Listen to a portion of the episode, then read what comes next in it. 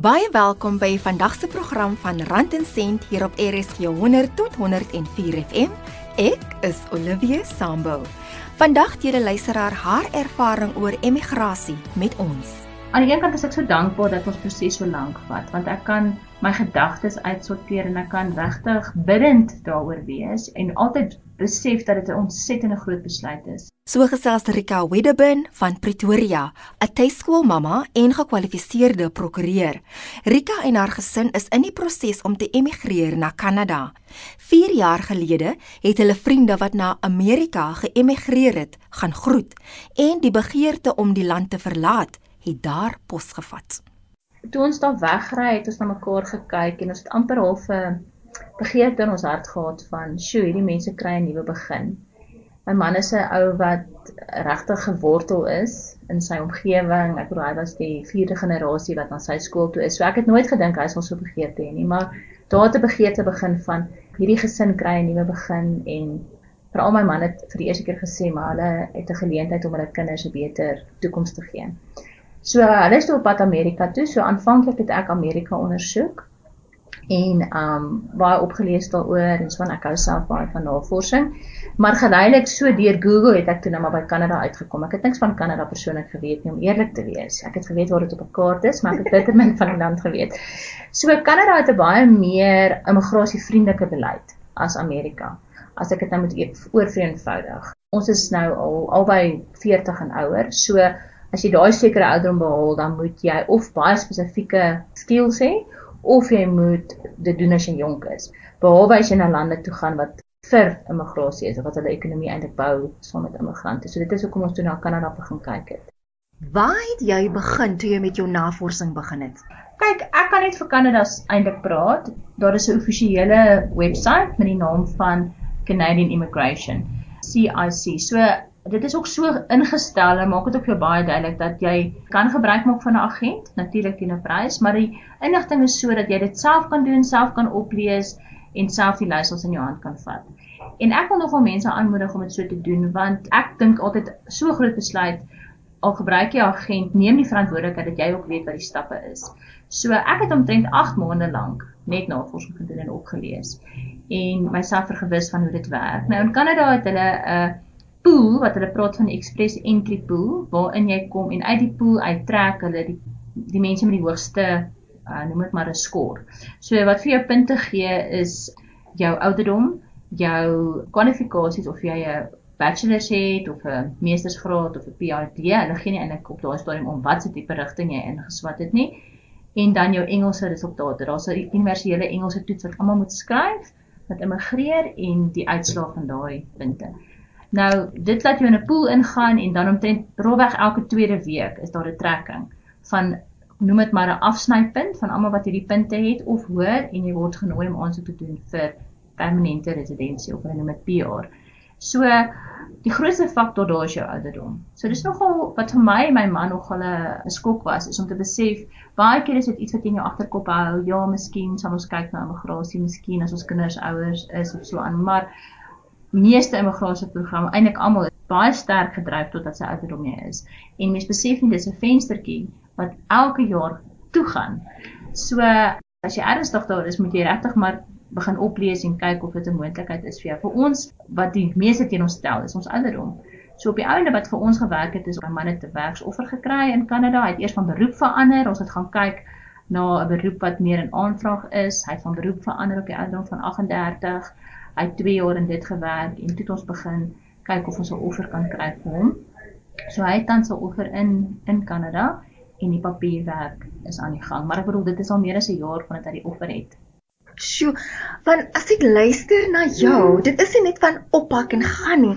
Ja, weet jy wat, dit is die grootste probleem of die grootste uitdaging emosioneel is dat daar is natuurlik mense wat binne 'n jaar daar is. En as jy die proses begin, dan dink jy ook, chop chop, weet ons gaan binne 'n jaar daar wees. Ons proses vandat ons besluit het is nou 4 jaar. So dis 'n baie moeilike emosionele plek om te wees, want jy jy's amper in hierdie time warp vasgevang waar jy nie weet gaan jy vorentoe nie, gaan jy agtertoe nie, staan jy stil. Ek en hy praat van ons eet gereeld humble pie. Ons dink hoe vinnig dit sou gaan, Maar weer eens, as ons dit 10, 15 jaar terug gedoen het en ons ouderdom wat die grootste faktor is. En uit ek dink uit uit 'n enige land se opinie verstaan ek hoekom hulle jong mense wil hê want dit is die ou wat die langste gaan bydra tot belasting betaal en vir daai land. So jy moet jy moet regtig 'n bydrae kan kom maak ekonomies as jy ouer is met 'n spesifieke beroep en so. En dit is tans nog steeds vir ons die grootste frustrasie oor hoe lank dit vat. Jy het vroeër gepraat van daar was sekere beroepe wat hmm. groot in aanvraag was. Yes. Wat is daai beroepe? Want ek weet in Suid-Afrika ons het 'n obsessie met grade, hmm. met kwalifikasies. Was dit dieselfde in Kanada? Dis interessant dat jy dit noem Olivia, want ons het omdat ek nou vroeër gesê het my man het van werk verander, het ons besef hier's 'n geleentheid wat ons heeltemal vir 'n nuwe beroep kon kies. Hulle het 'n sterk dryf vir, vir gradueerdes, maar definitief is sekere beroepe in IT is meer in aanvraag en hulle het spesiale strome ook daarvoor. Jy moet nog steeds 'n werksoffer hê, maar hulle fast track dit. So as jy jou offer kry en jy's in sekere IT rigtings, gaan jy vinniger daar kom. Dan praat ek nou van 3 tot 4 maande of dalk 'n bietjie langer. Maar wat vir my verbasend was uit 'n Suid-Afrikaanse oogpunt is hoe die ambagte in aanvraag is. So wat hulle ook ervaar het is dat omdat ver in die 90% van hulle populasie wel gaan swat, is dit nie snaaks om 'n graad te hê nie, maar baie min het regtig die ambagte gevolg. So hulle het 'n spesiale stroom vir ambagte, veral die met rooi seels. Nie alle ambagte is rooi seels nie, maar ek bedoel as jy 'n rooi seel ambag het dan jou kans is goed. Jy moet nog steeds 'n offer hê baie keer, maar daar voel hulle dit agterweë gebly en ons 'n groot dryf van Kanada om die jong mense daar ook aan te moedig om dit te gaan swat en daai rigtings te volg. Ons wat in Suid-Afrika sit, as ons dink aan Kanada, dink ons net aan die koue. ja. Ja, daar is 'n grappie, dit is die grootste geheim wat ons wat Kanadese wil geheim hou dat dit nie altyd koud is nie. So ja, Kanada het 11 provinsies waarvan 9 eintlik maar die is wat bewoon word en die meeste mense, 90% van die populasie bly so 100 km van die grens af van tussen Kanada en Amerika. Ek weet die populasie is maar daar gesetel juis omdat hoe verder jy noord gaan, hoe obviously hoe kouer raak dit. Maar ek bedoel dis 'n land met vier verskillende tydsones. Dis om te vra hoe se weer vandag in Kaïro. Ons dink hier daaroor en dit is hoe groot Kanada is as jy vat van die ooste na die weste. So dis 'n ongelooflike groot land. Jy kry dele wat obvious ver onder vriespunt gaan. Ons praat hier van minus 25 grade in die winter. Maar die deel waarna ons kyk om in te gaan bly wat Vancouver is, ek bedoel dis tussen minus 3 en 33. So dit het nou vir die eerste keer in baie jare gesneeu, maar dis ongewoon uh se baie nat provinsie, maar ook nie die hele jaar nie. So ek het toe ons daar gaan kuier het in Augustus 2018, was dit in die somer en ons het verstom gestaan oor die humiditeit en hoe warm dit is en die lang dae, ek bedoel draak eers half 10 donker in die aande. Aan die een kant is ek so dankbaar dat ons proses so lank vat, want ek kan my gedagtes uitsorteer en ek kan regtig biddend daaroor wees en altyd besef dat dit 'n ontsettende groot besluit is. Haal my hoed af vir mense wat die besluit neem, maar ek haal ook so my hoed af vir mense wat bly. Ja, dit is 'n warm topik, jy weet, dis iets wat jy so ek het met die jare ook geleer. Dis nie iets meer wat my sommer sommer meer meer met om die braaivleis vir te praat nie, maar ja, ek sal sê doen jou huiswerk, al gebruik jy agent, maak seker dat jy ook weet wat die proses is. Daar is ongelukkig mense wat al redelik ingeloop is, maar ja, dit is 'n lang proses, maar as die geleentheid daar is, dink ek is dit moeite werd om dit te ondersoek. Weet jy, ek dink die fout wat ek gemaak het die eerste 3 jaar was om om te leef asof dit oor 'n maand of twee gaan gebeur. So ek het nêrens betrokke geraak nie. Ek het nie my kinders ingeskryf vir buitemuurse aktiwiteite nie. Ons spot onder mekaar ek hou op lakens koop, hou op handdoeke koop. Maar dit gaan alles oor verwagting. So ek dink kennis is mag. Ek het 'n WhatsApp groepie begin. Dit was ek en 'n paar dames en vandag is daai groep al maksimum. Ek raai tot by 300 mense. So ons praat baie met mekaar en bemoedig mekaar oor 'n verwagting. Ek dink as jy weet, weet jy wat hierdie ding gaan langer vat as ek dink en die vermoë kan ontwikkel om aan te gaan met jou lewe en tans ek lewe weer my lewe. My kinders is betrokke by aktiwiteite. Ons is betrokke by die gemeenskap, ons is betrokke by die kerk en by liefdadigheid en ek dink dis maar die antwoord. Jy kan nie sit en wag En ongelukkig met immigrasie, jy gaan nie weet tot die dag wat jy daai visum in jou hand het. Het jy dit of het jy dit nie? Innerlik groei jy baie, maar jy moenie jouself klaar maak deur jou hele lewe op hul te sit. Dis ook 'n moeilike proses vir die familie, verstaan, want aan die begin almal se verwagtinge het gaan vinnig gebeur. Dit was 'n bietjie van 'n teleurstelling vir almal dat dit nie so vinnig gebeur nie, alhoewel ons dit wil hê. Ja, dis die grootste ding is om te weet hoe lank dit gaan vat. Watter uitwerking het dit op die kinders gehad? Gelukkig is ons kinders nog jonk. Ons oudste is nou eers 10 ek en my man voel altyd as ons opgewonde is en ons sien kans vir 'n ding en ons praat positief vir 'n ding, dan gaan hulle ook so voel.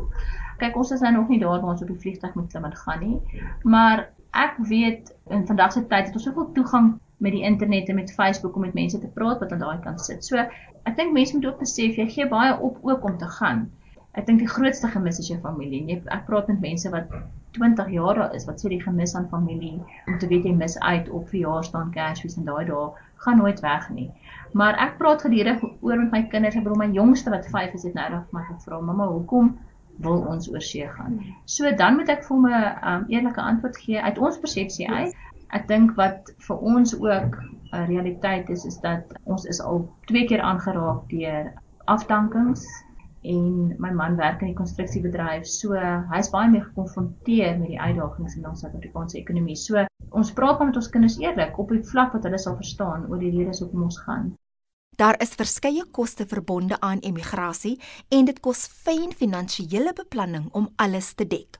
Dis 'n duur storie. Weet jy wat? Ook net weer oor Kanada kan ek praat. Om die proses te begin, moet jy hierdie Engelse toets gaan skryf beide man en vrou kan dit skryf want albei kry punte wat op die einde tel vir jou permanente residensie en dit is omtrent tans R3750 per persoon. En na 2 jaar verval dit. So ons moet dit alweer gaan skryf het. So dis waar mens begin, dan moet jy jou grade verifieer en jy moet jou graad deur met 'n koerier stuur Toronto toe. So dit is nog 'n paar duisend rand. So net om die proses te begin, sal ek sê vir 'n enkel persoon trek jy by 7-8000 rand. Dan is daar later mediese ondersoeke waar jy hele gesin moet gaan vir 'n basiese mediese ondersoek.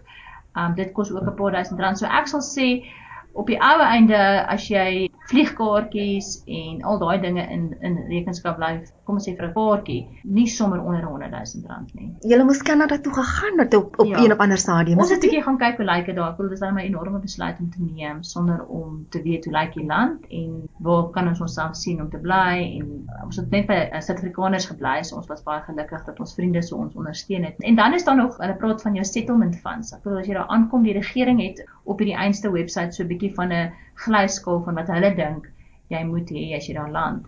Ek weet dit is omtrent 15000 dollar vir twee mense, net wat die regering uitgewerk het wat jy gaan kos om vir die eerste 6 maande meer te voete te vind. Um in Kanada is dit nie so gewild om 'n container oor te vat nie, want um die huise is ander dimensies en daar's baie meer tweedehandse goed beskikbaar, maar daar is tog mense wat ek wil ek het nou in die week met 'n vriendin gepraat, hulle het 'n 1 by 5 by 1.5 cube gevat en dit het hulle 45000 rand gekos net vir 'n paar sentimentele items. As jy luister na jou, dit is regtig 'n klomp werk om te doen. En daar's mense wat sê luister, ek soek net iemand om te betaal wat ja. dit vir my kan doen. Ja. Wat wel verkies om van 'n agent gebruik te maak. Ja. Waarvoor moet jy dan uitkyk as jy wel 'n agent gebruik? Baie goeie vraag. Op hierdie einste webwerf waarvan ek gepraat het, cic.gc.ca kan jy gaan kyk of die agent geregistreer is. Hulle gaan deur streng eksamens en keringprosesse. Ek dink die eerste plek om te begin is om te kyk of dit 'n geregistreerde agent is. En dan tweedens is om te bepaal, ek sê altyd vir mense en ek gaan dit nou in Engels sê, 'n agent sê maklik vir iemand you are eligible for the pool. En dan bel mense my en hulle is vreeslik opgewonde want hulle het die agent gesien, hulle het met 'n paar duisend rand afstand gedoen en die agent sê hulle is eligible vir die pool. Maar daar's 'n verskil om eligible te wees tot die pool as om getrek te word. So maak seker wat is die faktore wat jou gaan laat getrek word en die grootste faktor soos ek van tevore genoem het is jou ouderdom. As jy 39 is of ouer of 35 is of ouer en 'n agent raak namens jou opgewonde, moet jy die ligte vir jou afgaan. Daar's nog steeds maniere om te immigreer na Kanada toe, maar dit gaan nie die pad wees wat die maklikste is nie. En dit is wat die agente verkies om sulke kliënte te hê, want 'n agent gaan nie vir jou werk soek nie. 'n Agent gaan nie sommer vir jou in kontak kan sit. Daar is 'n paar agente wat as gevolg van jare se ervaring het hulle ook kontakte met werkgewers en partykeer kom hulle reg red reeds iemand in gedagte, maar 'n agent gewoonlik gebruik mense om vir hierdie express entry roete te stap. So ek sal sê baie mense is natuurlik verskriklik besig. So ek is nie daar teen om agente gebruik nie, maar maak net seker dat jy weet wat gee vir jou punte en dat jou ouderdom die grootste faktor is en dat jy dan een van die ander roetes gaan moet gebruik wat Kanada beskikbaar stel. Dit was Rika Wedderburn van Pretoria wat haar ervarings oor emigrasie met ons gedeel het. Ons ervarings vorm ook ons persepsies en dit vorm baie keer die hoeksteen van belangrike besluite wat mense neem. Maar hoe beïnvloed persepsies besluite oor beleggings en jou finansiële welstand? François Lombard, spesialis in beleggings by Momentum, beantwoord hierdie vraag. Persepsie is seker een van die mees kragtigste woorde in die finansiële woordeboek en arsenaal want persepsie in meeste gevalle dryf amper alles. Dit weerspieël nie noodwendig die realiteit nie en dis hoekom ek dink persepsies reflekteer gewoonlik in aandelepryse in die baie kort termyn waar daar baie volatiliteit is waar die aandelemarke so desperaat vir inligting dat persepsies reflekteer as feit. En al hoe jy eintlik van dit kan ontslaa raak of so half hierdie as ek dit kan noem hierdie geraas jy weet hoe jy van dit kan ontslaa raak is om tyd aan jou kant te hê. Tyd is een van die kragtigste wapens wat jy het as 'n kliënt om ontslae te raak van daai persepsie en daai daai geraas in die mark. Leierskap. Hoe belangrik is dit in terme van beleggings, in terme van aandelekoop en in terme van die maatskappy self? So leierskap is 'n vreeslike belangrike eienskap vir enige maatskappy, geluiste maatskappy of ongeluiste maatskappy. Ek dink dit is ongelooflik moeilik om noodwendig te sê daar's korrelasie tussen leierskap en prestasie van 'n aandeel. Ek dink ons het al baie flamboyante leiers gesien. So leierskap is baie moeilik. Ek dink mens moet baie dieper gaan as 'n persoon wat na 'n maatskappy kyk in terme van dalk die CEO rol. Dan, jy weet, leierskap in terme van 'n finansiële adviseur. Ek dink twee goed word hoogs op prys prys gestel. As jy finansiële adviseur kan kry wat dalk aan jou so half recommended is deur vriende en familie so wat so half omgee na vriende goed al gedoen het vir familie. En ek praat nie goed van ek het 17% laas jaar gedoen nie. Ek praat van baie meer as dit. En dan tweedens jy weet 'n leier en 'n finansiële adviseur wat regtig omgee oor sy kliënte. Dit is baie maklik om te dink alle finansiële adviseurs gee regtig om oor kliënte. Ek dink dit is noodwendig so nie. Jy moet regtig 'n finansiële adviseur kry wat so half die kliënt sentraal sit tot sy proses omgee tot sy kliënte en dit is regtig maar iets wat ek dink jy kan uitvind as jy regtig 'n honest en oop gesprek het met jou finansiële adviseur. Dit was François Lombard van Momentum. Ek is Olivia Sambo en dit is tyd om te groet. Totsiens tot volgende week.